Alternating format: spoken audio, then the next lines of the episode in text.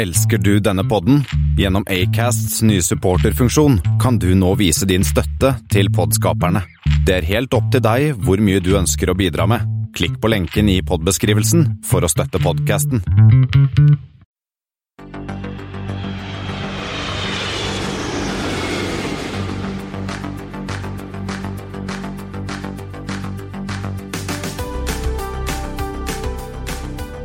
Hei og velkommen til Flypoddens flight 69. Vi skriver 25. juni, og har sammen med meg Espen Næss har jeg som vanlig med meg Kristian Kamhaug. eh, Christian har ikke vært så mange steder, men jeg har derimot vært på OSL denne uken og fått snakket med folk både fra Hainan Airlines, Martin Langås fra Avinor og den, om den nye ruten mellom Oslo og Beijing. Og så har vi også møtt Wouter Sivert fra Oslo Seafood and Cargo Center. Dessuten så må vi fullføre det vi ikke fikk med oss fra Paris Air Show forrige sending, og en rekke andre av ukens siste nyheter. Ja, øh, og vi har funnet noen flight 69 som vanlig. øh, Men før vi tar flight 69, Espen, så må jeg, som øh, er født litt før deg, jeg må jo ta opp dette klippet her. 69 dudes! Og for de som ikke husker det, så er det altså et klipp fra Bill and Teds Excellent Adventure med Keanu Reeves fra, fant jeg ut, tidlig 90-tall. Ja, mens du var ung og lovende, og jeg var enda yngre. Åh, knapt nok lovende. Ja, men vi hopper til slag 69. Vi har en UA69, og den så vel vi forrige uke, Espen? Det stemmer. Den kom taxende forbi oss på ankomst. Eller det var vel egentlig da UA68 som Ja. kom kjørende, men den skulle da tilbake som UA69. Som er United. eh, flighten fra Arlanda til Newark, som går med en 757-200. Ja, det var jo egentlig Jeg tror det, det er vel egentlig bare en sommerrute òg, men det var vel bare Arlanda som fikk beholde liksom 757-erne til da United slash Continental. De hadde jo liksom København og Oslo i gamle dager. Gamle der, ja. Uh, og så har vi en eh, TK69, Bangkok-Istanbul. En A330. Jeg tipper at det er en god del nordmenn på den kjerra. Eller jeg har ikke sjekka om den har connection men jeg skulle tro at det var nordmenn på en eh, Bangkok-kjerre. Den siste, Delta 69, som er Phoenix til uh, Tokyo Narita. Hei, Christian. Hæ? Godeste Christian. Ikke Phoenix, nei, selvfølgelig. De Jeg ser PDX, det er jo ikke det. Det er Portland til Narita, selvfølgelig. Portland til Narita. Og den, PHX. går- den går jo med en god gammel 767, som er jo litt det som jeg har snakket om litt tidligere, at det er jo egentlig ikke 787 som revolusjonerte det å fly langt på kanskje litt tynnere ruter. Nei, det var 767 og 757. Det var jo en super kombo som Boeing eh, kom med på tidlig 80-tall, som de nå prøver å, å gjøre igjen da med NMA. Vi får se da om den kommer. Men uh, når det kommer til ulykker, så klarte jo verken du, jeg eller Google egentlig å finne noen relevante. Nei, det, og det, var, det er bra, det, da. Det er Egentlig. bra. Eh, men da kan vi jo egentlig Denne uken så velger vi egentlig å gå rett på hovedtemaet vårt, som da er Hainan Airlines og deres eh, nye rute til eh, OSL fra Beijing. Ja, og du fikk kost deg med f feltmikrofonen på Gardermoen sammen med, med Martin, eh, friend of the pod Martin Langås. Eh, Men først så gikk du fra varmen og inn i kulda. Det stemmer. Eh, Vi kan jo begynne med første delen si, av intervjuet, hvor vi da ble kjørt eh, til eh, det som nå heter Oslo Cargo and Seafood Center. Eh, tidligere heter Roadfeeder, så det ligger jo liksom nede ved den ja, nede i hjørnet bort ved Statoil stasjonen, og der pakker de både generell cargo, men også da eh, fisk på et sånt eh, ja, selve fisken pakkes på et sånt kjølerom. Der er det, var det to grader inne, så det var litt sånn småkaldt. Eh, så vi sto der. Jeg fikk intervjuet da med Wouter Seavers, som er eh, ja, representanten deres. Eh, han fortalte litt sånn nyttig, både som kommer fram av intervjuet, hvordan de pakker ting, eh, hvor de skal gå. eh, eh, og liksom hvordan det fungerer. Og nå var vi der på en mandag, som er en ganske rolig sjømatsdag. Eh, Det er jo liksom den tirsdagen som er den virkelig virkelig travle. Men så var det jo også litt interessant som vi så der. Det står jo masse sånne konteinere med flyselskaper som ikke blir til Oslo. Ja, og det svarer han jo på her i intervjuet. Skal vi bare høre på intervjuet? Vi kan bare høre på intervjuet. Hei, da er vi eh, i flypodden inne fra Gardermoen, hvor vi da står hos Oslo eh, Cargo og Seafood Center med eh, Wouters. Eh, hallo? Ja, hei. Det er Wouter. Jeg er ansvarlig for eh, salg og sikkerhet. Eh, velkommen til eh, Oslo Seafood og Cargo Center. Vi ser litt på frakt som skal ut i dag med Hainan. Som skal da med rundt ja, 12,5 tonn med bl.a. mest fisk. da. Laks som skal dit. Og ja Du har noen spørsmål i forhold til eh, ja, hvordan vi hadde pakka eh, disse fluebrettene. da. Ja, for nå står vi ved et, eh, det som på godt norsk kan kalles et tog, bestående av Det er noe det blir jo på en måte en pall som er bygd opp, og de bygges litt opp på en spesiell måte. For det er en del hensyn man må ta hvis man ser på det. Ja, det er pakket på PM, såkalte PMC-er. Det er jo en det er en flupall, eh, så, så, å si, og på den kan vi pakke opptil 161 eh, fiskebokser. da. Og da har den totalvekt på rundt fire tonn. Så det er veldig mye komprimert vekt da, på, på, på pall. da. Og det er da ca. 50% is og 50% fisk? Ja, Det er mye, mye, is per i dag. Det må jo gjøres for å kjøle ned fisken til, til null grader. Og eh, derfor må det jo pakkes godt i isopor, da. Um, ja. Og, og, ser man på denne tanken, så er det Man begynner med noe plast, og så er det noe sånn duk på toppen? Ja, det er fiberduk på toppen. Det er for å sikre at vi eh, ikke får noen fugler som uh, kommer seg inn til uh, fisken. Så det er såpass tøff materiale at det sikrer at det ikke blir noe såkalt bird attacks. Da. Bird strike.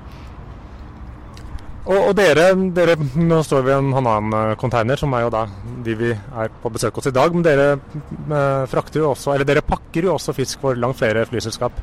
Ja, vi har bl.a. Eh, Thai. Vi har eh, Turkish Airlines. Uh, vi har eh, Norwegian. Vi har Cal Cargo. Og vi har en rekke andre flyselskap som vi også uh, hjelper off, såkalt offline. da. Det er flyselskap som ikke lander her, men kommer vi da med andre eh, enheter hit. da. Ja, for Det er vel slik å forstå som dere egentlig startet, var med å sende flyfrakt til andre flyplasser. Men nå er det kanskje OSL som er deres viktigste marked? Ja, OSL er desidert eh, eh, veldig veldig viktig for oss. Eh, vi har jo eh, egne altså, fraktefly som kommer og henter eh, ja, 100-120 tonn per flight. Og eh, da går det jo i store mengder til, til, kundene ute i verden. Så det er definitivt en, en, fordreining, kan man si. Det er fortsatt en del som går på bil, som vi gjorde tidligere.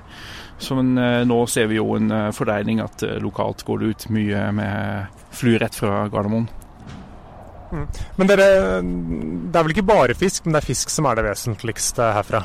Ja, vi, vi har uh, hovedsakelig fisk. Du kan jo si at uh, for vår egen del her uh, er det vel rundt 80% av all, all, eksport er vel relatert til fisk. hvorav mest laks, da. Og så resten er såkalt gen cargo, som er ja, tørrgods. da. Og det kan være alt mulig som går da med, med det.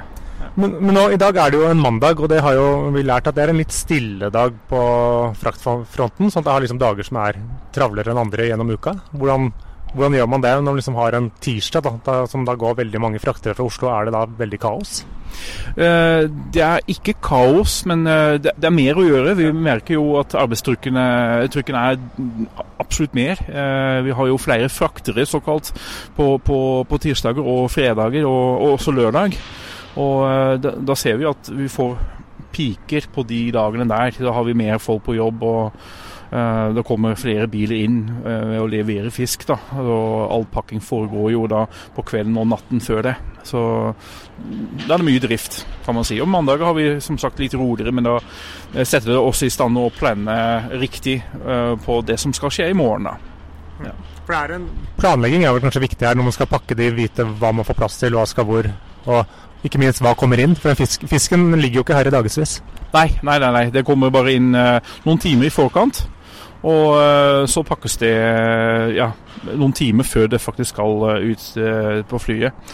Så vi har det ikke lenge her. Det, det kommer rett inn fra Vestlandet, Nord-Norge, og så pakkes det. Og, og pakkes det på brett, og så leveres det ut på flyet. Så det, det er en gjennomgående trafikk, rett og slett. Ja.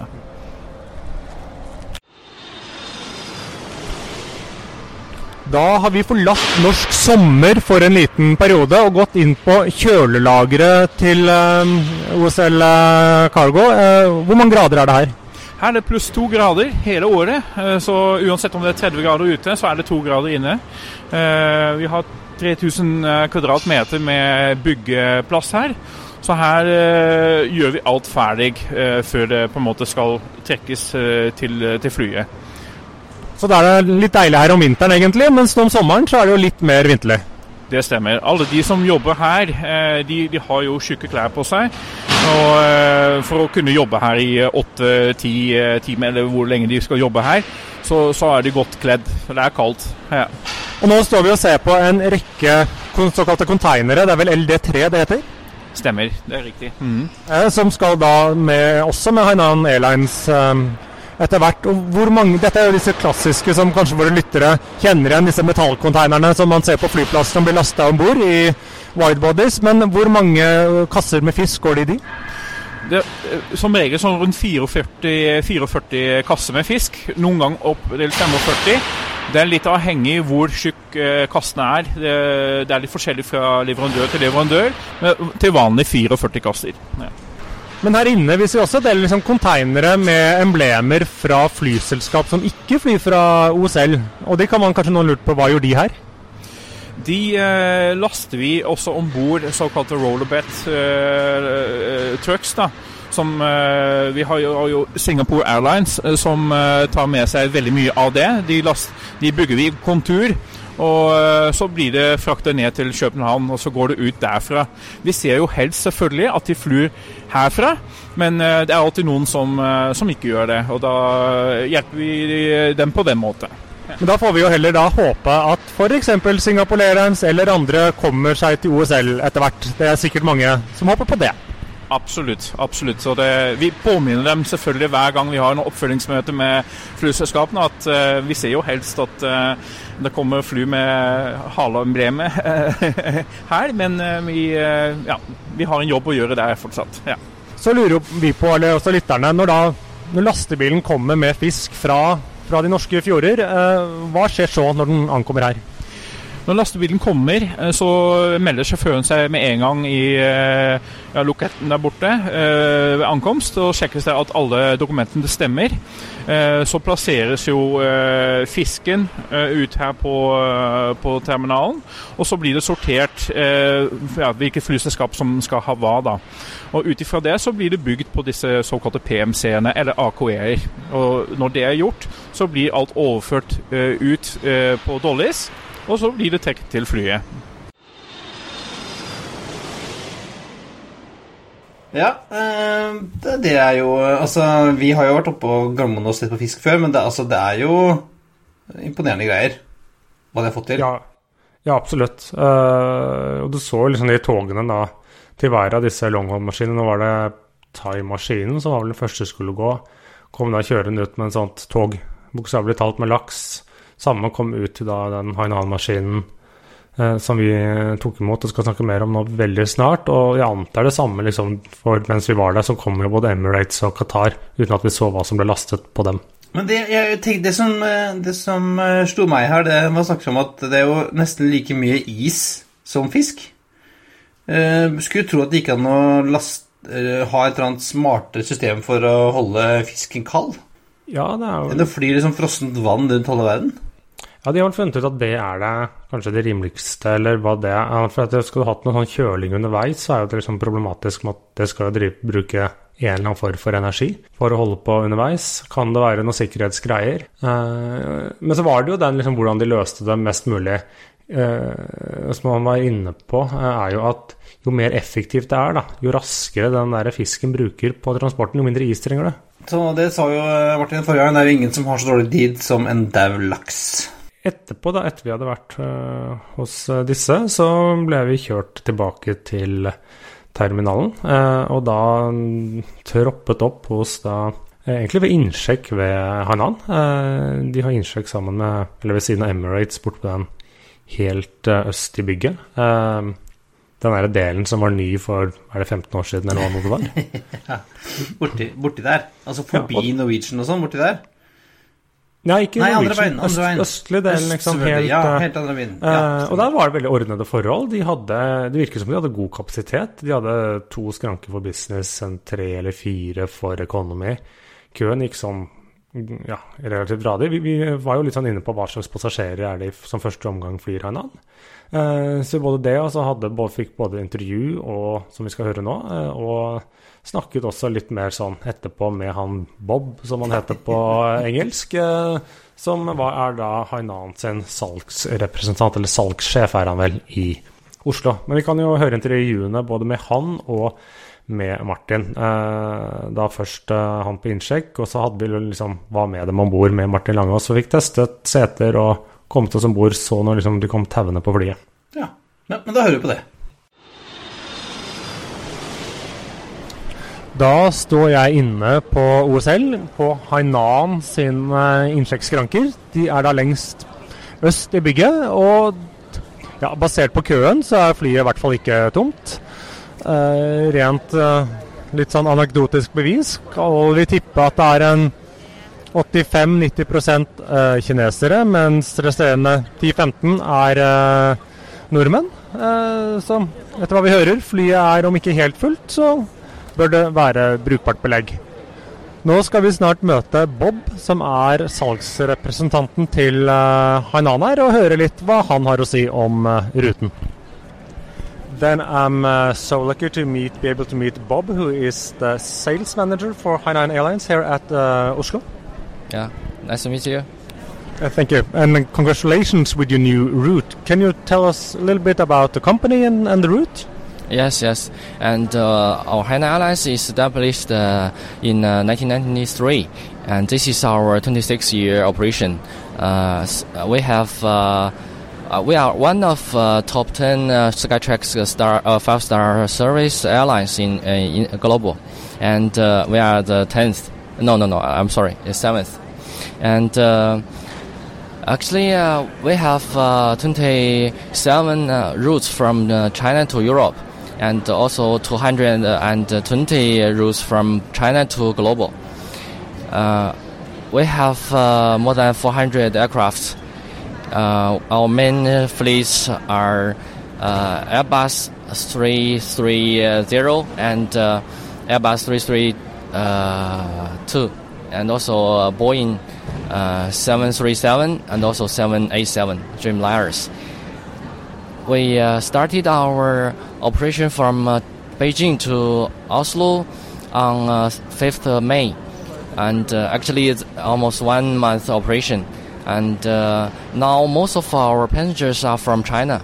They uh, they are Chinese uh, tourists, but our Norwegian passengers are increasing now. Uh, so far, we have uh, the load, load factor is quite well now, and around more than uh, 80, so quite good. And also, I- think through our you know effort in Norwegian market, our Norwegian passengers will know us uh, better and better. So uh, we think uh, the Norwegian market, also the Norwegian uh, passengers, and the northern part of uh, Europe passengers are, are you know will enjoy to fly with us. Da står jeg her med Martin Langås, som eh, er vår representant eh, for Avinor. Som tidligere jobbet med cargo, men du har tydeligvis fingrene borti litt annet òg? Ja, det står vel cargo og frakt på kortet mitt, men eh, det er det som er spennende med å jobbe med, med luftfart her på Oslo lufthavn, at man er liksom med i veldig mye som skjer da. Og nå i dag er det jo Hainan som vi skal se på, som eh, har vært så heldig å få lov til å være med i arbeidet om å få til Norge. Det er jo fantastisk gøy å stå og se her nå, liksom se fullt av kinesere som, skal, eh, som har vært i Norge, fått gode inntrykk av landet vårt, og nå som skal hjem til Kina med den første direkteruten mellom Norge og Kina noen gang. Ja, for det, det tok sin tid. Det gjorde det. Eh, politikk, politikk, politikk er vel eh, de tre ordene som gjelder der. Men eh, det til side så gikk jo prosessen relativt raskt til vi Altså fra vi etablerte kontakt for eh, litt over to år siden og satte i gang. Det var vel dagen etter at eh, det bilaterale forholdet hadde blitt annonsert at var normalisert, at vi sendte vår første henvendelse. Og siden det har det gått eh, relativt slag i slag. Da er det tilfeldig at det ble Hainan, eller er det, var det liksom det? Er det ikke helt tilfeldig? Så Oslo lufthavn er jo eh, veldig Star Lines-tung, så klart at mange ville kanskje tenkt på Air China. Samtidig så flyr jo i dag Air China til Stockholm og København. Og det er klart at eh, det er vel kanskje en viss fare for kannibalisering hvis de hadde gått inn på, på Oslo også. Men Hainan Airlines mener vi er en veldig god match for oss. Det er jo et selskap som er et, altså et femstjernes selskap. Og for de som har reist litt til Kina, så vil altså den reiseopplevelsen med Hainan være i en helt annen klasse enn de andre kinesiske selskapene. Det altså et selskap som vi ser som kanskje i større grad også er litt mer fleksibel i forhold til destinasjoner og frekvens, som kanskje eh, litt mer enn de andre selskapene kan tilpasse seg eh, markedet litt etter hvordan det vokser fra Norge. Så vi håper jo med tiden at vi kanskje kan se Shenzhen, Shanghai, flere destinasjoner med Hainan fra Oslo lufthavn. Men eh, det vil jo også kreve noe på det bilaterale avtalene, hvem som kan fly hvor og sånne ting. slik at det er jo ikke noe som dessverre ikke kan starte opp i morgen. Nei, og det er litt av utfordringen. fordi at eh, mens vi var i fryseboksen med Kina, så ble jo mye av disse frekvensene snappet opp av Sverige og Danmark. Så når vi endelig fikk en rute, så var det jo fire, eller i, i praksis tre slåtter igjen. Og det er også grunnen til at Hainan flyr tre ganger i uken fra Oslo lufthavn. Eh, skal du treffe businessmarkedet på long hold, burde du gjerne ha fire eller fem ukentlige frekvenser. Eh, men det var tre igjen. Eh, men samtidig så har, Hainan, har jo Hainan valgt å legge både rutetider og dager til veldig forretningsvennlige tidspunkt. sånn at med bare tre frekvenser så mener vi at de treffer markedet veldig godt. Ja, Vi snakket jo med da Bob, eh, salgssjefen her nå. Han fortalte jo at den, i hvert fall på Beijing-siden så er den jo veldig tilpasset connections videre. Ja, den er det. Og så er det jo litt sånn Jeg snakker med mange reisende som har litt sånn skrekk og gru-forhold til det å connecte i Kina. men Uh, Hainan er jo et, igjen et femstjerners produkt, og flyr du spesielt businessklasse med Hainan, så får du tilgang på det jeg mener kanskje er noen av den beste loungen du har i hele Asia. Så et veldig godt produkt hvis du skal videre, eller kommer altså inn fra mainland China eller Hongkong og så inn til, uh, inn til uh, Oslo-ruten.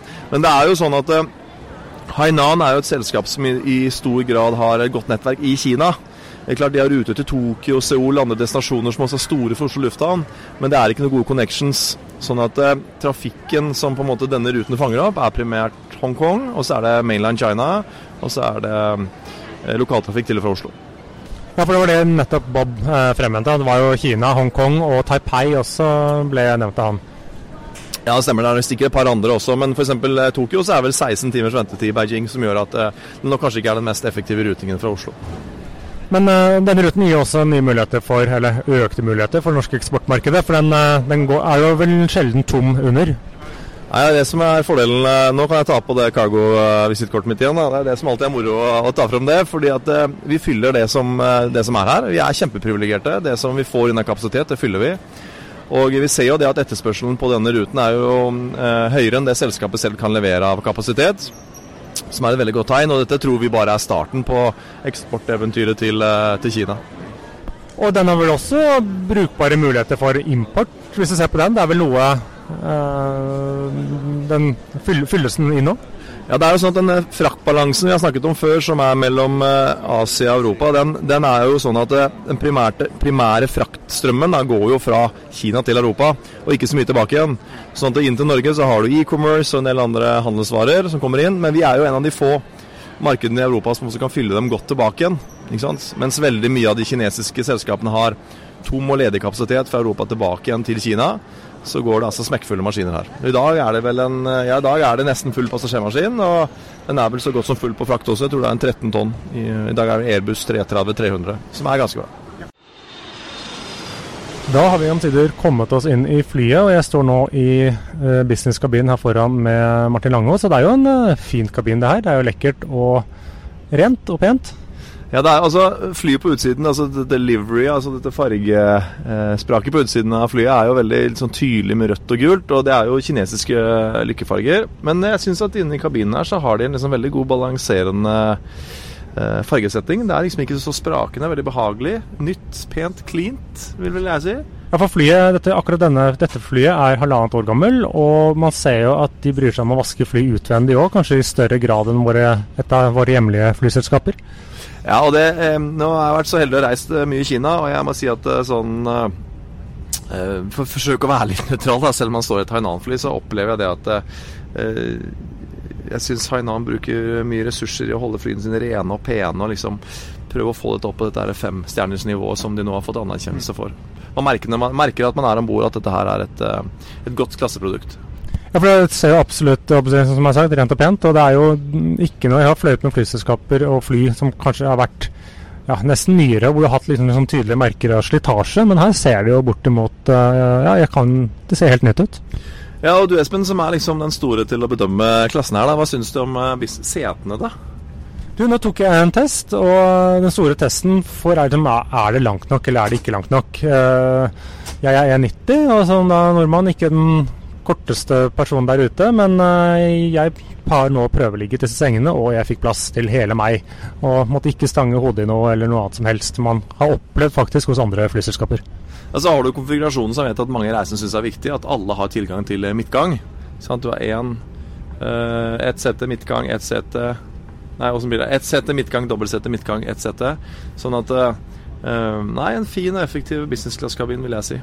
Ja, de har jo disse Dette er såkalt herringbone, er det vel det heter? Eller reversed herringbone, er det vel egentlig heter på godt engelsk. Uh, slik at man liksom har jo litt sånn privatliv hvis man vil ha det. Og har man vindusrekke, så er jo det setet liksom vinkla mot vinduet, så man kan sitter jo ikke og ser på naboen, men man kan sitte og se ut uh, på den store verden. Ja, det er litt mer avskjerma enn det er på en del andre selskaper. Jeg ser liksom at uh, når man liksom får satt seg i stolen og trekker seg litt tilbake, så blir man Skjermingen her er litt bedre. Man synker litt uh, mer ned i roen og får vært litt for seg selv. Men én ting er jo dette, disse setene her, men selskapet også er jo veldig kjent for den servicen de har om bord når du først kommer opp. Det er jo fantastisk god service, og maten er veldig god. og fra Oslo har de en veldig god smak, smakfull meny som jeg tror at veldig mange reisende kan sette pris på i fremtiden.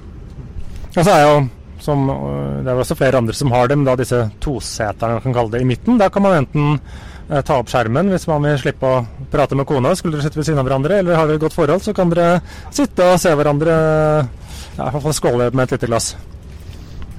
Ja, det er eh, som sagt, jeg liker kabinen. Jeg vet ikke helt liksom, Sammenligne, Espen, du som er liksom racer på dette, hva ville du sammenligne dette med? Ser du noen umiddelbare likheter med andre selskap som har tilsvarende kabin, eller? Jeg har faktisk ikke fløyet denne konfigurasjonen enda. Det er en stund siden jeg eh, reiste mye, men um, ja, nå sies det er det Qatai som har en ganske lik en. Ja, Det ble hvisket Qatai, ja. Jeg har til gode å fly business på Qatai, men det kan sikkert stemme, det. Nå kommer flyvertinnen her, så får vi tre litt til siden. Hello, ni hao. Da har vi gått eh, bitte litt lenger bak i kabinen og står da i eh, deres economy class, og den syns jeg også er jo veldig fresh. Ja, Vi får være litt ironiske da, disse kostnadsreduserende tider, så er dette den riktige klassen. Eh, det er en veldig fresh eh, klasse, syns jeg. Igjen, jeg syns fargene her liksom balanserer godt med, med litt sånn hvilende øyne. Jeg syns at kanskje noen sånne farger kan sprike litt mye når du skal fly langt. Men her syns jeg det er et veldig behagelig interiør som jeg eh, tror jeg er fint for en 7-8 timers flight fra Oslo til Beijing. Ja, for setene er altså ja, De er røde, men de har liksom dempet rødtone. Halvparten av setene, eller halv, annenhver seterad, er litt sånn burgunderish, mens det er en litt sånn dempet rødfarge Eh, ellers så selvsagt, hver har sin egen seterygg. Og vi får teste litt benplassen. Jeg syns ikke det ser så ille ut. Hvis vi kan ta en liten uh, test.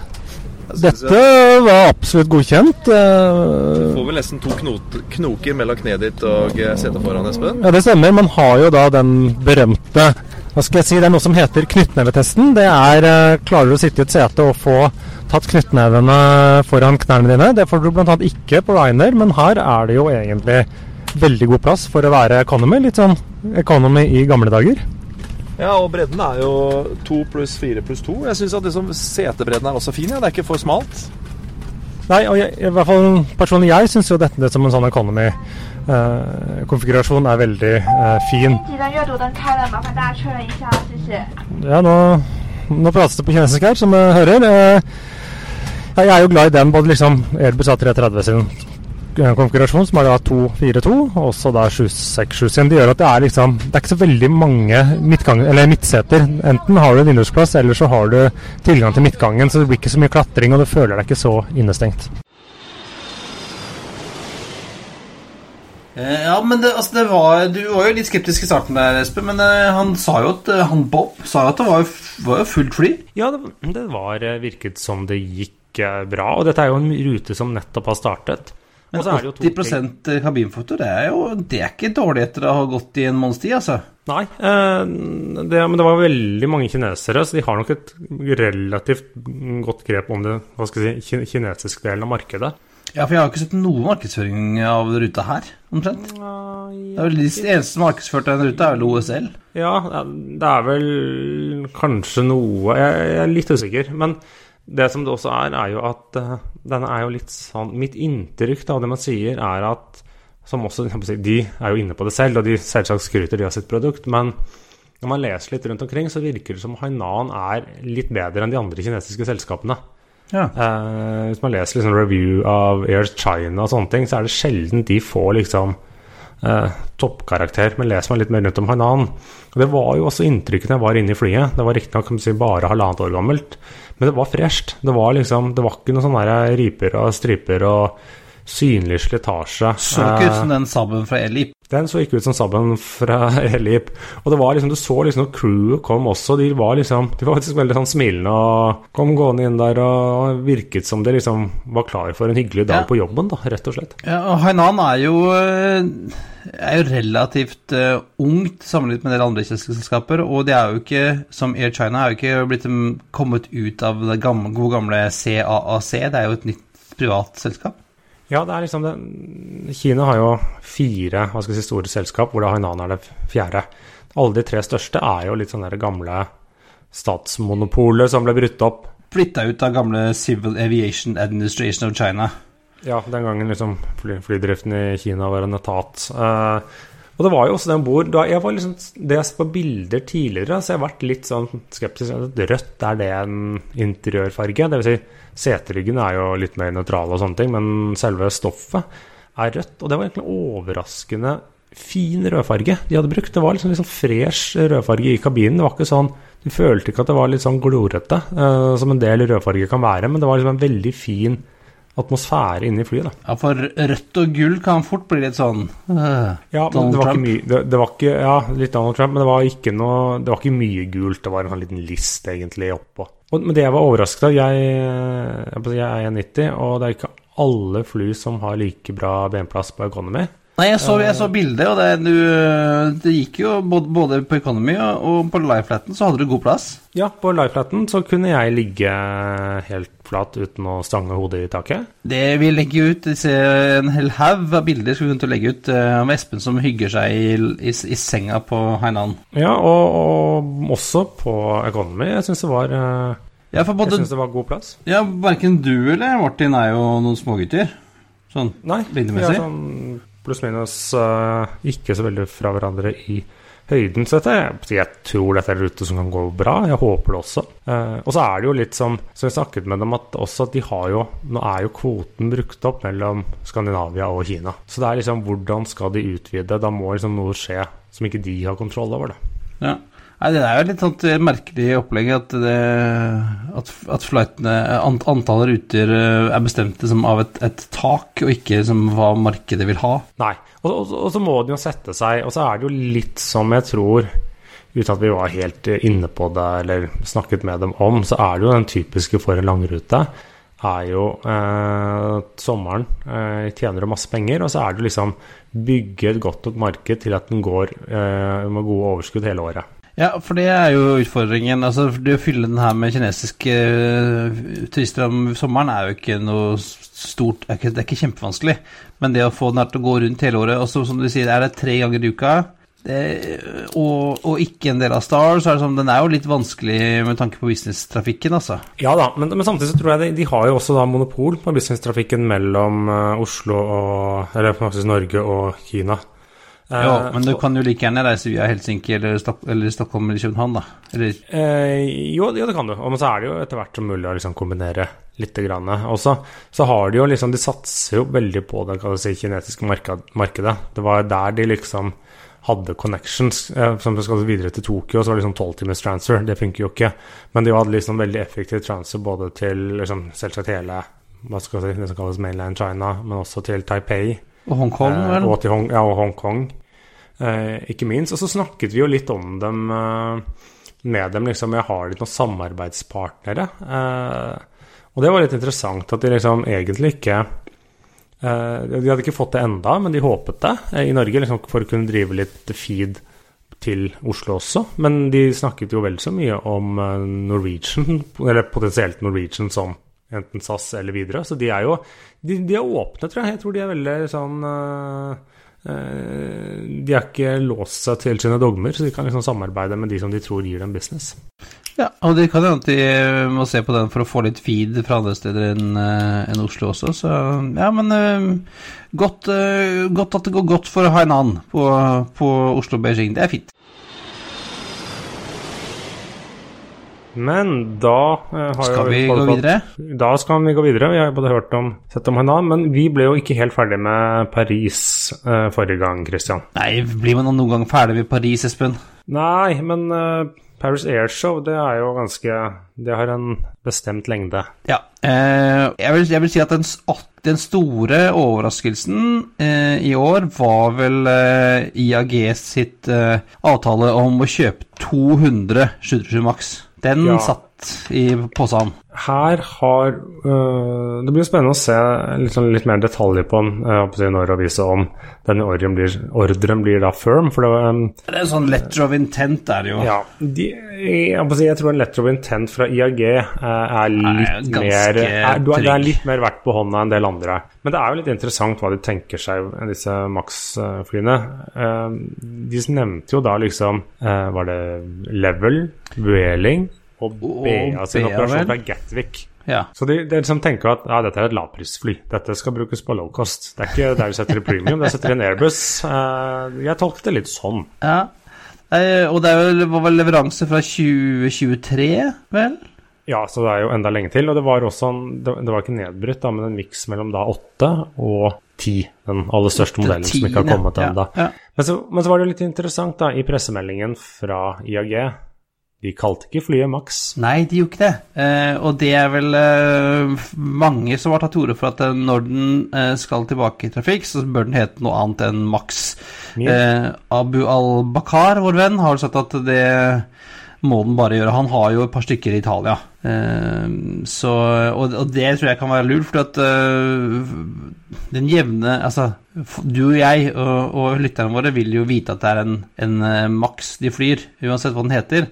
Men uh, jevne mann i gata vil jo ikke vite det. Nei, Det skal helst ikke stå det på Safety-kortet, nei. Sikkerhetskortene. Det var jo til og med noen som reagerte på at det sto 737 maks på safety-kortene på en 737 800 hos Norwegian, så Ja, for flyene er så like at du kan bruke samme kort. Ja, ikke sant. Eh, men at de kommer til å kalle den, uh, rebrande den som noe helt annet enn 737 maks, det er jeg jo ganske sikker på. Men, men det, det, man spekulerer, eller det trenger nesten ikke å spekulere, men det er jo helt tydelig at for å komme en så stor ordre på en sånn tid hvor ingen holdt jeg på å si, vil ha maks, så må de ha fått enorme rabatter. Ja, eh, og det er jo en sånn, eh, en sånn ordent, en ordentlig eh, signalkunde å ha, ha, IAG på lista, det er jo bra for Boeing. Så det var noen som sa at ja, Airbus vant kanskje Hadde kanskje flest ordre på årets Paris Air Show, men Boeing vant, vant denne. Og det, er jo klart at Man har tidligere hørt om eh, Det er ikke uvanlig med å ha rabatter som ligger over 40% kanskje nærmere 50% av listeprisen.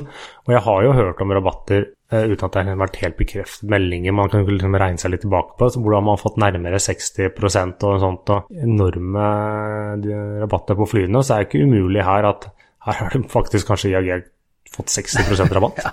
Jeg vet ikke, Bjørn Kjos har jo skrytt at han kjøpte sine, sine makser innmari billig, men jeg tror kanskje at uh, Willy Walsh uh, fikk de litt billigere, faktisk. Ja, jeg, mener, jeg, husker ikke hvilket selskap det var, om det var Delta eller et eller annet. Så var det noen som regnet seg litt tilbake når de så på balansen deres, eller liksom, hva hadde gått ut av cash det året, hva de hadde kjøpt av fly, og så regnet de det opp mot listeprisen, listeprisen på um, på flyene og fant ut at liksom her, ja, de betaler egentlig bare halvparten. Ja, eh, og det er jo ingen ja, så godt som ingen som betaler listepris, eh, og det er jo ingen som vil fortelle hva de har betalt heller. Eh, alle skryter at de har betalt lite, mens Boeing snakker ikke så mye om hva, hva en enkelt maskin har gått for. Men uansett, tøff bestilling fra IAG der på disse 200 maksene. interessant å se hvor de havner etter hvert, og når de faktisk kan begynne å bli levert. De ruller ut av samlebåndet fremdeles uten at de uh, får dratt noe sted. Ja, nå må de jo Jeg så nylig et bilde fra For de flyr jo dem si, Renten hvor de produserer, er full, så de flyr dem på sånn ferry flight til forskjellige steder, bl.a. Boeing, Boeing Field. Ja. Og, og der er det jo fulle på parkeringsplasser. Det vil si, de har parkeringsplasser, så de begynte å bruke de ansattes parkeringsplasser for bilene deres. Jeg så et bilde nå denne uken. Ja, det jo, er nå Nei, da må de komme seg ut av, for dette her går ikke. Det går ikke. Uh, vi hopper videre fra Max, og så går, kan, vi, kan vi hoppe jeg som litt ned i lista, Espen, uh, til et selskap som jeg er ganske sikker på faktisk betalte listepris. Ja, snakker du om Turkmenistan? Ja, jeg snakker om Turkmenistan. Ja, for de, de produserte et fly som de fleste tror jeg egentlig trodde hadde Boeing hadde produsert siste variant av. Eller Ja, siste for- modell. For, for om, om denne IAG-ordren var som den, den, det største og fetteste, så var vel dette her den kanskje den rareste bestillingen vi fikk i løpet av Fliser-show, Espen. Hva var, Ja, hva, var, hva var det Turkmenistan har kjøpt? Turk Turkmenistan Airlines har da bestilt en 777-200 LR, denne ultra long range-versjonen av 777 som alle trodde ferdigprodusert. Ja, de første har kommet på museum allerede. Ja, men de, fleste, de første de er under Ja, og, øh, oppbygging. Så jeg, jeg er litt usikker på om vanlige bedriftsøkonomiske prinsipper gjelder for Turkmenistan Airlines, men til dems forsvar, da, så er det den typen de har fra før. Ja da, Sånn eh, mens alle andre bestilt med det. Ja, så de har eh, ja, Mens andre bestiller eh, 777X, så kjøper altså Turkmenistan Ja, men de, de kjøper noe de kan, noe de vet. Ja. Ja. Det er liksom alltid hyggelig med litt sånn Odde-modell, så ikke bare får det samme. Men noen som da kommer til å bli produsert av, selv om det ikke blir, den, det blir produsert av mest i framtiden, for det er jo et litt nisjefly, var jo da den Airbus A321 XLR. Vi snakket jo om den forrige mandag, og så ble den lansert. Vi tenkte å gå videre inn på den. Men eh, den fikk jo en del ordre i løpet av å si, sendingen, men eh, det ble vel feil. Airshowet. Ja. Uh, da- Hvor mange ble det til slutt? 243 er vel det jeg har klart å regne meg fram til og liste meg fram til. Uh, og det var vel det Airbus snakket om, de skulle ha en 200 ordre, eller sånn, det var målet, er lounge. Uh, men det er jo en sånn god miks. Du hadde jo, som vi snakket om tidligere, disse ALC, de bestilte 27. Så er det liksom et par eh, mellom 4, 10, 15 holdt på å si. Du har Middle East Airlines her nå, CB Pacific, Saudi Arabian Airlines har bestilt noen. IAG de bestilte jo her også 14 maskiner. 8 skal til Iberia, 6 til Air Lingus. Også Ja. 14 opsjoner, som blir spennende å se hvor havner. De, Air Lingus var jo måtte, forventet som kunde, i og med at de er jo en, eh, har vært en, en 757-kunde lenge og flyr sånne tynn, litt sånn tynnere transatlantiske ruter mellom Irland og, og USA. Sånn Cork til Boston og what have you. Så den var jo ganske, den var egentlig litt forventet. Ja, de har, de har allerede bestilt 321 LR, hvor de liksom skal begynne å fly fra er det Dublin til Philadelphia med og litt sånne ting. Men da med XLR XLR-en så kommer de enda litt grann dypere inn i, i Ja, det var vel snakk om du sånn helt opp til kanadiske vestkysten, vel? Jeg tror det var litt å ta i, Ta selv om de kanskje klarer det. Men så har du Iberia, da. De, dette er en maskin de kanskje kan bruke mot uh, Sør-Amerika. Den nordlige delen av Sør-Amerika, tror jeg de akkurat skal klare det. Man klarer det fra Lisboa. Uh, Afrika, uh, hvor kommer det et stykke inn i Afrika med den fra Madrid? Kanskje Midtøsten, hvem vet? Ja, kanskje mest sånn naturlig med sånn eh, ja, Sør-Amerika og Karibene og sånt noe. Eh, Indigo Group, som vi har sagt om tidligere, de klinte de med 50. Ja, de klinte de med 50. Eh, jeg husker ikke om alt var nye ordre eller konverteringer. Eh, men det som er interessant, er at ja, de skal ha 18 til Frontier Airways, og de skal ha noe til JetSmart, men i, i våre nabolag så skal da Wizz Air ha 20 maskiner av denne Ja. Indigo-ordren. Og Så de skal de ikke gå skal ha mellom. Polen og, og Norge. Nei, de skal ikke gå mellom Polen og Norge. Det som er litt interessant, er at de sier de skal ha samme konfigurasjon som på de andre 321-ene deres, så liksom 239 seter eller hva nå de har. Oi, oi, oi. Eh, sånn at de tar jo en liten hit på rekkevidden, men samtidig kan eh, fly lenger enn de flyr i dag. Så det blir spennende å se liksom hvor de har tenkt å bruke dem, og, og, og hvordan. Og så hadde jo sånn Qantas, de skal ha en 36 stykker, og de sa egentlig bare ti nye bestillinger, for de konverterte 26. Men der tror jeg både Qantas selv og Jetstar skulle ha dem. Ja, og de her er jo fine å bruke mellom, for mellom Australia og Japan. Det er jo bra eh, for disse. Ja, de, de nevnte det liksom, liksom spesifikt. Uh, spesielt der liksom Nord-Australia, kanskje til ja, Kina, Japan. Sånt noe. Og så den store ordren var jo da American Airlines med 50 bestillinger. Og det, det er også en liten sånn hit kanskje til Boeing. Ja, for Bo American var jo en av disse mulige kundene til uh, uh, NMA. Uh, 797, what have you. Uh, American har jo en del 757-er igjen, og 767-er. Uh, og disse her blir jo kunne erstatte en del av de. Er interessant at Delta, som kanskje er den hotteste muligheten for som launch customer for NMA, har jo ikke bestilt noen 321 Neoer. Nei, XLR-er. Men det som er, da, er jo at disse NMA-en, eller hva den flyet skal hete, er jo ikke helt én-til-én mot en 321 heller. Nei, det vil jo bli nei. noe større. Uh, sånn at, Men det som skjer, da, at det kan godt være at American fortsatt bestiller det, uh, men uh, jo flere 321-maskiner, og spesielt av de longrange-maskinene de har, jo færre eventuelt trenger de NMA. Så de spiser jo liksom av hele business-caset. Jeg så jo også noen som mente at, at dette her, denne det at uh, A321 XLR tok en del av markedet, betydde at Boeing kanskje ville se på uh, å fokusere på en litt større eh, NMA enn den mindre versjonen, da. Også de fleste her hadde jo enten helt nye ordre, eller det var en sånn miks av konverteringer av eksisterende Airbus A321-ordre. Som uansett er positivt for Airbus, fordi at de klarer å produsere x antall fly i måneden. Og det er jo bedre da å produsere et fly som er vesentlig dyrere enn en billig 3 Ja. Ja. Uh, men det eneste som, kom, som var ren konvertering, var da JetBlue, uh, som skulle ha 13 maskiner. Så de skal nå ha 13 XLR-maskiner og 13 LR-maskiner. og her vandrer 321 i år. Ja, og det kan, kan vel Skal vel ikke tippe så veldig eh, vanskelig uh, Skal ikke være så veldig vanskelig å tippe at de der kommer til å gå på Atlanteren?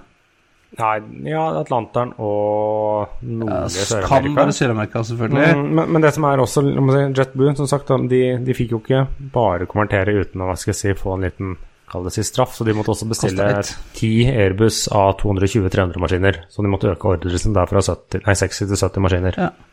Uh, og saudisk Flynas, som er uh, saudisk low cost carrier, kjøpte ti. Uh, og så har vi en sånn undisclosed Mm, mystisk. Ja man, har, ja man, har, alltid mange av dem. Det kan være et lisensselskap.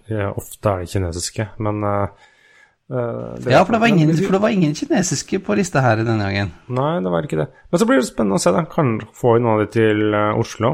Det vil si JetBlue kan vel rekke OSL både med den LR-versjonen både fra JFK ja, og fra Boston. Boston. Men hvem vet? American fra Chicago, huben deres her i Oslo. Den, den, mangler jo den direkte linken der. Ja, eller så kan uh, Ja, altså den, den, nye basen til Wizz Air på, på, Oslo kan jo kjøre Dubai eller noe sånt nå med denne. Ja, Et par runder til Bergen også. Ja, nei, vi får se. Eh, så, altså, så jeg tror som eh, Hvis du ser bort fra den maks orden 10 AG, så har vel eh, XLR-en var den som hadde kanskje mest, eh, ja, mest fart, fart, i den i år. Og så kan vi jo se innom sin flyselskaper som Det er jo ikke ny ordre, det er ikke så spennende, men når Air Asia de endret 253 ordre fra den lille Airbus A320 Neo til 320 Neo. Det sier jo litt at eh, de, deres vekstkurver framover er kanskje litt mer aggressive enn de man trodde for en stund siden. Ja. ja. Eh, eller at de så at de fikk såpass bra uh, økonomien at de, de, ekstra setene, det var greit. Men en annen måte å få god økonomi har jo da CB Pacific gjort. Ja, ja. Sevi Pacific eh, bestilte 16 A330 Neo, den 900, den største versjonen, som i dag er sertifisert for maks 440 pax, men de kliter til å skal ha 460 i sin. Ja, de Eh, nå er det jo sånn at uh, filippinske flyselskaper er ikke kjent på de som har best plass om bord, men de har veldig mange seter. De, de er tilpasset det lokale markedet, det, det, sier de selv. for de vet egentlig, de, Både de og markedet vet hva de tilbyr. Det er for å uh, frakte filippinske fremmedarbeidere uh, til og fra hjem, hjem på besøk og ut til nye oppdrag. Ja, og og måten de kommer unna visstnok denne sertifiseringen, da, eh, er jo at de endrer på nødutgangene til det blir litt større nødutganger. To av dørene, ikke nødutgangene, men sånn, de må dørene. ha to, ja, to av dørene. Det holder ikke med sånn vanlig full size door, så de må ha en sånn pluss-pluss-door på to av fire nødganger, og vips, så gikk det. Og da skal de visst ha At de skal være innafor. Men det var, vel, det var, vel, ikke helt klart om de må sertifisere den her på nytt, eller om det er greit med en sånn, sånn computer simulation. Men uh, uansett, 460 paks i den kjerra der, det, det, er bra det er små filippinere, og ikke store, høye nordmenn uh, som flyr den kjerra mest. Og så ble det jo solgt noen 787 denne gangen. uh, også ikke veldig mange, men uh, et selskap som er vesentlig kjent for å ha vesentlig bedre plass enn uh, filippinske flyselskaper, var jo da Korean Air. De bestilte jo 10 av 9-varianten og 10 av 10-varianten, så det var ikke helt dødt for Boeing også, eller i tillegg til IAG-ordren, da. Og, og Turkmenistan, selvfølgelig. Og ikke minst Turkmenistan. Ja. Eh, ellers for hjemlige trakter så Ja. var det jo da eh, KLM De har bestilt 15 Embraer 190 E2 eh, pluss 20 opsjoner. Og når de kommer, er det jo Jeg blir veldig overrasket hvis vi ikke ser de jevnlig i Norge. Nei, de skal jo erstatte 737-700 i hvert fall. Mm. Eh, og mine, mine gode venner Binter Canarias kjøpte to stykker også. Men det er jo fortsatt ikke jeg, jeg, tror det blir, mm, si, det blir bra til slutt, men foreløpig så er jo egentlig ikke salget av E2-serien sånn kjempeimponerende. Nei, altså Det, det ruller og går, da. Altså, men altså, på storhandel er jo våre danske venner i NAC, Nordic Ja. Aviation eh, Capital nei, Corporation. Disse Ja. leasingselskapene som holder til i Billund. Ja, de eh, har jo liksom De glemmer vel litt av og til, men de er jo store på, på regionalfly. På leasing av regionalfly. Regional, både Jet og Propell, så de, og de er en kjempestor sånn at de er kunde, og bestilte 35 nye eh, ATR 72-maskiner, var det vel? Eller de kan jo bytte på hvordan de vil. Pluss 35 opsjoner og 35 såkalt sånne kjøpsrettigheter. Vi snakker liksom om en bestilling på 105 fly, så det er jo et par propellfly, det. Ja, eh, det er det. Og så besitter de 20 A220-er også. Ja, og, den er jo litt interessant, for nå har du jo eh, den ordren her på, fra et leasingskap på 20 A220, og så hadde du da ALC, som vi nevnte forrige uke, bestilt 50. Ja. Det er en bestilling på 70 A220-maskiner, og det er jo jeg vil jo si sånn da, Det er ikke så mange operatørene av den i dag, så det er jo helt klart at her er det en del nye operatører Ja. som kan få nye fly. Så det blir spennende å se hvilke selskaper de havner i. Det er riktig. Det er, eh, vi er inne på ATR, så øh, fikk de sin første ordre på denne ATR 42600S. Ja, og, og det var ikke Widerøe som jeg prøvde å selge til, men det var et øh, Var det Fiji? Fuji, Fiji Airlines og et par andre noen leasingselskaper og uh, sånt. Og dette er jo liksom en Air Tahiti, var det ikke det? Ja, Air Tahiti var det. Tahiti var det. Ja. Rikt, riktig sjø, feil land. Ja, altså ATR øy. 42600S, altså S, den S Short Takeoff and Landing-versjonen, som skal kunne bruke 800 meter rullebane istedenfor 1050. Men så er det jo, de, har, de, de, de hadde jo håpet og solgt dette til eh, og så får man se hva som skjer. For Widerøe går jo rundt og sier nei, vi vil ha elektrisk, skal dere får komme med noe sånt. Det er Ja. litt mitt inntrykk. Og, og det var jo litt gjennomgangen på flyshowet, for jeg har aldri hørt så mye snakk om elektriske fly. Det var noen bestillinger på flere varianter også, disse niseterne og litt sånne ting som kommer om to, tre, fire, fem år. Ja, eh, nå var det jo en sånn undisclosed order på fem da, på at, av denne stol-ATR-en. Eh, eh, så jeg, og, og leasingselskapet kunne jo flytt, putte seg på videre også, men jeg så det at han uh, What's his name eh, Ek? Er, er, Ask? Ask, ja. Uh, han sa jo det at nei, vi skal kjøpe, ny, kjøpe nye fly, så skal det være elektrisk. Uh, og da tenker jeg at Men han sa jo også da at de kunne at de kjøper noen gamle Dashotter i mellomtiden mens de venter. Og jeg så på den der niset, den, den israelske niseteren, som ser jo veldig tøff ut. Ja, jeg er litt usikker på hvordan det, hvis du lander litt sånn sideveis i crosswind når den har Med propellene helt ytterst på vingetuppen. Eh, Ja, hvordan, hvordan går det? Eh, Spørs hvordan det funker i Hammerfest. Funker helt sikkert fint i Tel Aviv. Eh, Hammerfest, litt usikker. Men, men det er jo tøft av videre å gå ut og si at vi skal kjøpe elektriske fly, eh, og at de kan muligens være litt mindre enn dagens. Eh, jeg så jo på i dette mm, i eh, anbudsdokumentene så har jo Samferdselsdepartementet godkjent mindre fly enn det som er i dag. Eh, de har til og med sagt at eh, ett enmotors kan fungere. Eh, det er jo ikke noe, og, og, og, på sånne ruter som Widerøe flyr som er sånn ned i et kvarter, så er jo ikke rekkevidden noe problem. Nei, absolutt ikke. Og så kan man helt til slutt Det er alltid litt morsomt med litt sånn sære små eh, ordre, for det var bl.a. disse Beriev BE, dette 200 brannslukningsflyet. Ja, det er ordre fra Chile. Amfibieflyet, ja. Ja, Nydelig. Jet-amfibieflyet, det er veldig kult. Og så ble det da Air Until. De bestilte to sånne Viking Air eh, Twin 8-ere, eller sånn NG-versjonen. Det er alltid morsomt å se at de faktisk klarer å få solgt disse. Ja, eh, det var vel de første Viking Air har solgt til en karibisk operatør, som flyr de gamle de Havilland-tinotterne fra før av. Så du, så du om det det er var noen øyer nedi der hvor du faktisk Ja. må ha sånne fly. Så du om det var eh, flottører eller hjul på disse? Mm, Nei. Nei. Jeg vet ikke om det leveres med flottører. Gjør det det? Da- Jeg, jeg har fløyte på Maldivene. Jo, men denne Om det den, eh, om den, jo, vikinger sine leveres med flottører ja, det, ja. i. Canada. Så det, det kan eh, være helt mulig. Ja, nei, men eh, så alt i alt Det var jo i, Før Paris Air Show i år så var det jo veldig sånn gloom, doom and gloom. Man var jo liksom redde for at det ikke kom noe særlig ordre, og første dagene var jo tørre. Men uh, alt i alt så ble det jo en del. Ja, nei, det ble ikke, det ble ikke så ille. Men uh, da eh, kan vi egentlig si at det var et OK eh, ordremessig, og så får man se hvordan det går fremover. Men da kan vi jo liksom hoppe til de vanlige trauste nyhetene vi går gjennom, Christian. Ja, eh, og da har jeg lyst til å snakke om Lufthansa eh, Group.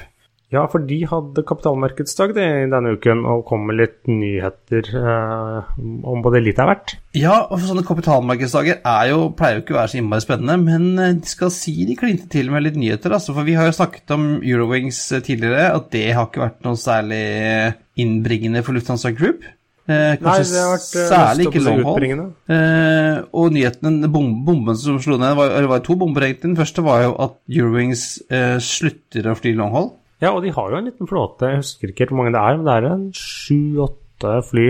Flyr ut fra primært Düsseldorf, men de har vel litt Berlin, litt Frankfurt og litt München også. Eh, Så det, det er slutt på. Det, alt eh, longhold-flyvning skal, skal overføres til nettverksselskapene, dvs. Si Lufthansa, Swiss og Austrian. Ja, og de, de sa jo ikke nødvendigvis at alt skal overføres. De sa en sånn litt kryptisk måte at det er de som skal stå for det. Så hva som da altså, eh, overføres og tas over, eller hva som faktisk Ja. bare kuttes, Nei, for det ruter de tapper penger Det på, er også et åpent det forsvinner, ja. Det er jo ikke umulig. Og så de, har de vel fire AOC-er i dag, og skal ned til ett. Ja, ett et AOC, og det AOC det skal fly med Airbus A320-maskiner. Ja, vi Sånn, eh, ferdig med det. Tilbake til uh, sånn det alltid har vært i LCC-verden. Én enhetsflåte med like fly, og alt skal være likt. Men samtidig da, så slipper jo da De slipper i hvert fall mitt inntrykk når jeg hører hva belgere har å si. Da slipper Brussel Airlines å bli Eurowings. De skal da få bli eget selskap likevel, ikke Ja. bare longhold-businessen deres. Nei, og de har jo allerede malt om noen av 320-ene sine i, i Eurowings-farge, men nå skal de tilbake til Brussels Airlines igjen. Ja, og de flyr jo også noen langdistansemaskiner i Ford Eurowings og litt sånn. Når Ja. vi snakker om hvem, hvilket AOC som flyr hvor, så er det litt kaotisk i, i Lufthansa-gruppen. De gjorde en liten tabbe, var det denne uken eller slutten av forrige uke. Så hadde de nettopp overført et eller annet fly til Eurowings, men det fløy for Brussel Airlines. Ja, det skulle hadde til USA, kom Ja. til Grønland, og så viste det seg at nei, amerikanerne har ikke godkjent dette, så de måtte snu og fly tilbake til uh, Brussel etter noe sånt som fire timer i luften. Ja, det er kjedelig. Uh, men vi, de sa vel også at det kommer til å komme mer om Brussels Airlines sin fremtid i Q3. Ja, for de tjener jo ikke penger, så de må gjennom en liten uh, sparekur. De brukte ikke det ordet, men la oss være ærlige. Ja. Eh, ellers så snakket de om at eh, Premium Economy oppnår 6% høyere omsetning per kvadratmeter kabin eh, sammenlignet med business class, så de tjener mer penger per, altså kvadrat, per kvadratmeter kabin var en litt rar måte å si det på. Ja, det var jeg som har oversatt pressemeldingen fra Lufthansa, men det er jo liksom Hvis du sier at et sete eller en passasjer i hver klasse opptar x antall kvadrat, Ja. eller en gulvflate, så Ja. er da premium economy-klassen til Lufthansa nå den de tjener mest på. Faktisk Tjener mer på den enn Business? ja, og de tjener business. bra på den, og de tjener også veldig bra på business, som da Uh, den lå vel 6% over, uh, mens den er jo hele 33 mer innbringende enn uh, innen Economy. Og, Ja. og det tror jeg Lufthansa har skjønt, så de skal komme med liksom sånn annen generasjons premium economy når de får sine 777-9-maskiner, og så Swiss skal få til sine 777-maskiner og 340-maskiner etter hvert. Det skal på 340 nå, ja. Ok. Ja, De Ja, ja. beholder noen av dem en liten stund til. Ja, ja eh, Lufthansa, never dull moment. Eh, så hopper vi til, eh, til Bergen, Espen. Ja, forrige uke så kom jo da Norwegian med en pressemelding hvor de satser litt mer, eller øker satsingen sin på Bergen. Slik jeg forstår det, så betyr det at et fly til skal være basert der, og da kan man jo øke produksjonen. Så de skal jo begynne med en del sånne mm, fra neste vinter, eller fra kommende vinter. Eh, Det er liksom Manchester, Tenerife, Gdansk og Palanga stort sett to ganger ukentlig. Evenes skal bli to ganger ukentlig hele året, ikke bare som en sommerrute. Og så øker de på Krakow fra to til fire ganger ukentlig, og Alicante går fra tre til fem ganger ukentlig. Så det blir en, egentlig en ganske kraftig eh, tilbudsside når det kommer til utenlandskapasitet for Norwegian fra Bergen. Ja, og Widerøe har også økt eh, mye på Bergen, så der eh, Ja, de siste, de siste to årene Ja. siden de fikk uh, Embraerne, så har jo de også økt jevnt og trøtt på Bergen. Så er det nå en liten kamp om eh, hvem skal være kongen på haugen i Bergen mellom Widerøe og, og Norwegian. Men Ja. eh, Norwegian skal i hvert fall ikke være kongen på haugen til København til vinteren. Nei, fordi at uh, all USA-trafikken ryker. Ja, de skal ikke fly til JFK, de skal ikke fly til Fort Lauderdale, de skal ikke fly liksom De skal, de skal Eneste langdistanse Norwegian skal ha fra København kommende vinter, er eh, to ganger ukentlig til Bangkok og to ganger ukentlig til Krabi. Og Dubai, eller? Ja, jo, Tror det er det ikke Nei, men eh, altså, det er, ellers er som USA har jo vært store satsingsområder for Norwegian, så er det litt overraskende at de kutter eh, fra Danmark, men det fikk, du likt til å gå, da. Mm. Men de skal kjøre pakkereiser med Ja. Norwegian Holidays. de har, ja, de har jo relansert. De forsøkte jo med Norwegian Holidays for noen år siden. Og jeg, jeg eh, kjenner ikke så veldig godt til det, men de har tydeligvis ikke truffet jeg vet ikke, markedet, konseptet eller hva det var. Så trakk de vel tilbake, og nå prøver de igjen. Det er vel sånn der eh, dynamic packaging-opplegg hvor du, du som kunde pakker selv, litt sånn som SAS også har gjort eh, tidligere, og mange andre selskaper har prøvd på. Ja, så altså virker det som hvor mye mersalg eh, hjelper det dem eller ikke, men det gjenstår å se. De har i hvert fall liksom tatt lærdom av tidligere feil. Ja. Men det, altså det, det, det som de tjener penger på der, er jo tipper jeg er hotell. Uh, der er det jo store penger å tjene fremdeles. Men øh, Og så kommer jo Samferdselsdepartementet ut med hvem som skal fly kortruter eller anbudsruter innen Sør-Norge det neste ja, fra 2020 til 2024. Ja, og der ble det Det er videre som flyr alle i dag, er det ikke det? Videre flyr alle i dag. Da snakker vi Førde, Sandane, Ørsta, Volda, Sogndal. Førde Røros. Ikke Florø, for den er blitt kommersiell nå. Ja. Eh, men det. Og videre, de flyr da sju av sju såkalte rutestrekninger, fra, også fra Bergen til bl.a. Sogndal og Bergen, Førde eller hva nå det er. Eh, men da liksom sju av sju strekninger flyr videre i dag, og de fikk seks. Ja, så de, tapp, de tapte én, og når de først tapte én Vi er jo glad i videre, men når de først skulle tape én, så er vi veldig glad for at den gikk til Elip. Ja, våre gode venner i Elip og de kjempehyggelige ansatte der, de skal da fly eh, Oslo til Røros med da en eh, Saab 340, antar vi, eh, fra ja. ved 1. april. Det er det de sier i pressemeldingen sin, at den skal gå med Saab 340. Ja. Eh, Og da, da, da blir det jo to, fordi de må ha inn et fly til for den. For det er ikke nok. Det flyet som går på Ørlandet, er jo egentlig busy stort sett hele dagen. Ja. Eh, Eller i hvert fall busy nok. Og dessuten, en Saab er så billig, så den kan du, du råd til å stå stående på bakken for å bare tilpasse når folk faktisk skal reise, og ikke når flyet bør brukes.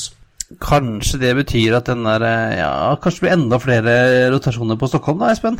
Enda enklere å komme seg til Stockholm Air Leap? Enda, enda enklere. Men, eh, men det som også, det jeg syns var litt interessant, eh, eller var jo at den Røros, der også var det DOT, eller det litauiske eller latviske datterselskapet til DAT, de bød også der.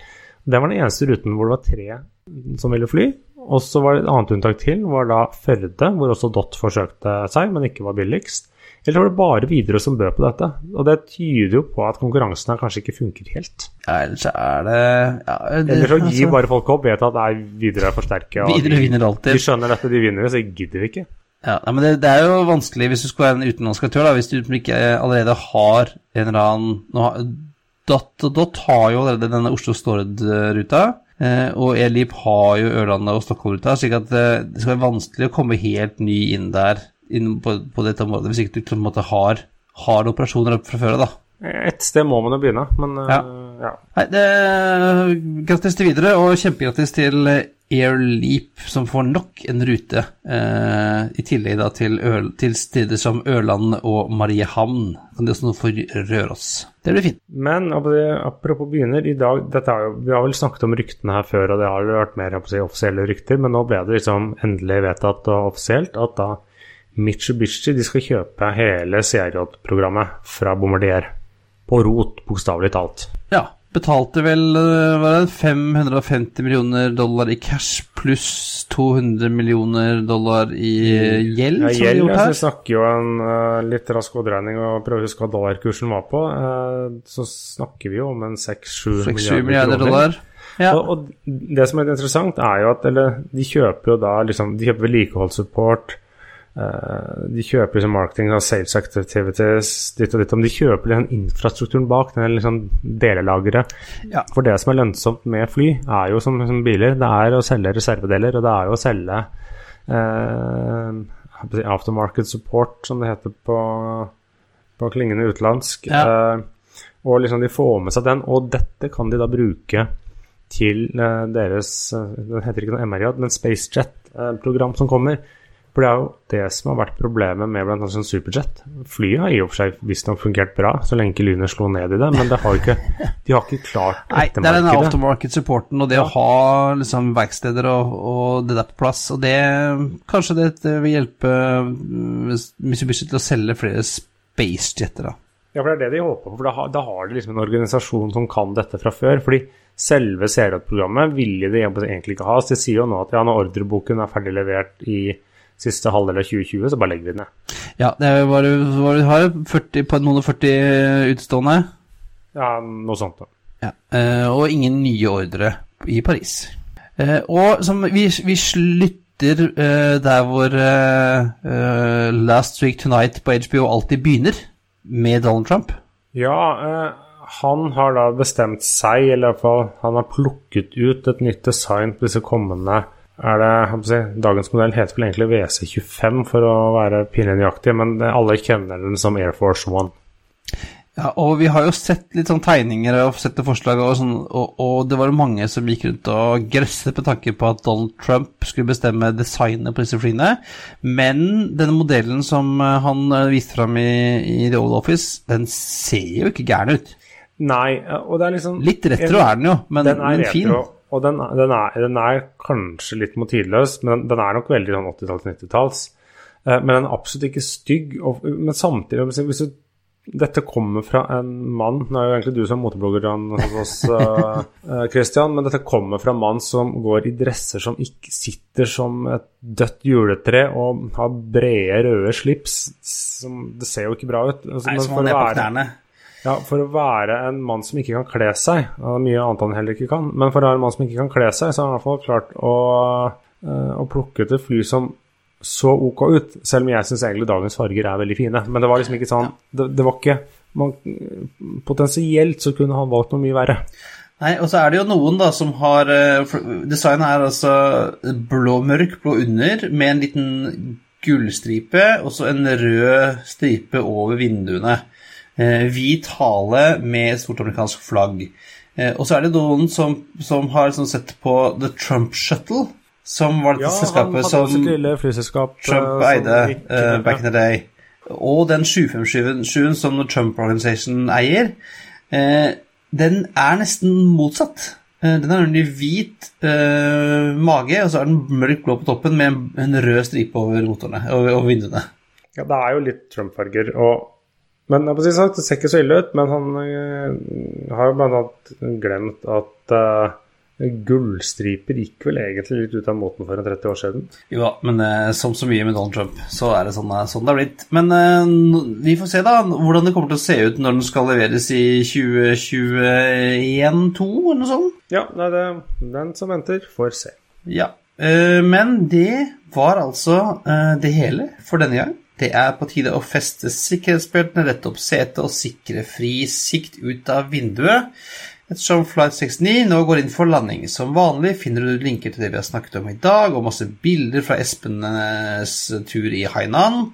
eh, Finner du på flypodden.no. Finner oss også på Facebook, på Twitter, eh, at flypodden, på Instagram, at flypodden. Og hvis du har spørsmål, inviter oss på flytur. Du ble ikke invitert på flytur av han eh, Bob? Nei, men jeg fikk prøve alle setene. Uh, men jeg ble ikke Jeg fikk ikke en sånn åpen invitasjon til, uh, Beijing? til Beijing. Og jeg Nei. fikk heller ikke tilbud av han godeste Wouter som må putte meg i en kasse og sende meg av gårde. Så Nei. Uh, så hvis noen der ute har lyst til å sende oss på tur i mer uten kasse, så er det bare å sende oss en mail til hallo at flypodden.no. Det var alt. Ha det bra. Hei, hei. We thank you for flying with us today. We truly appreciate your business and look forward to serving you on a future flight.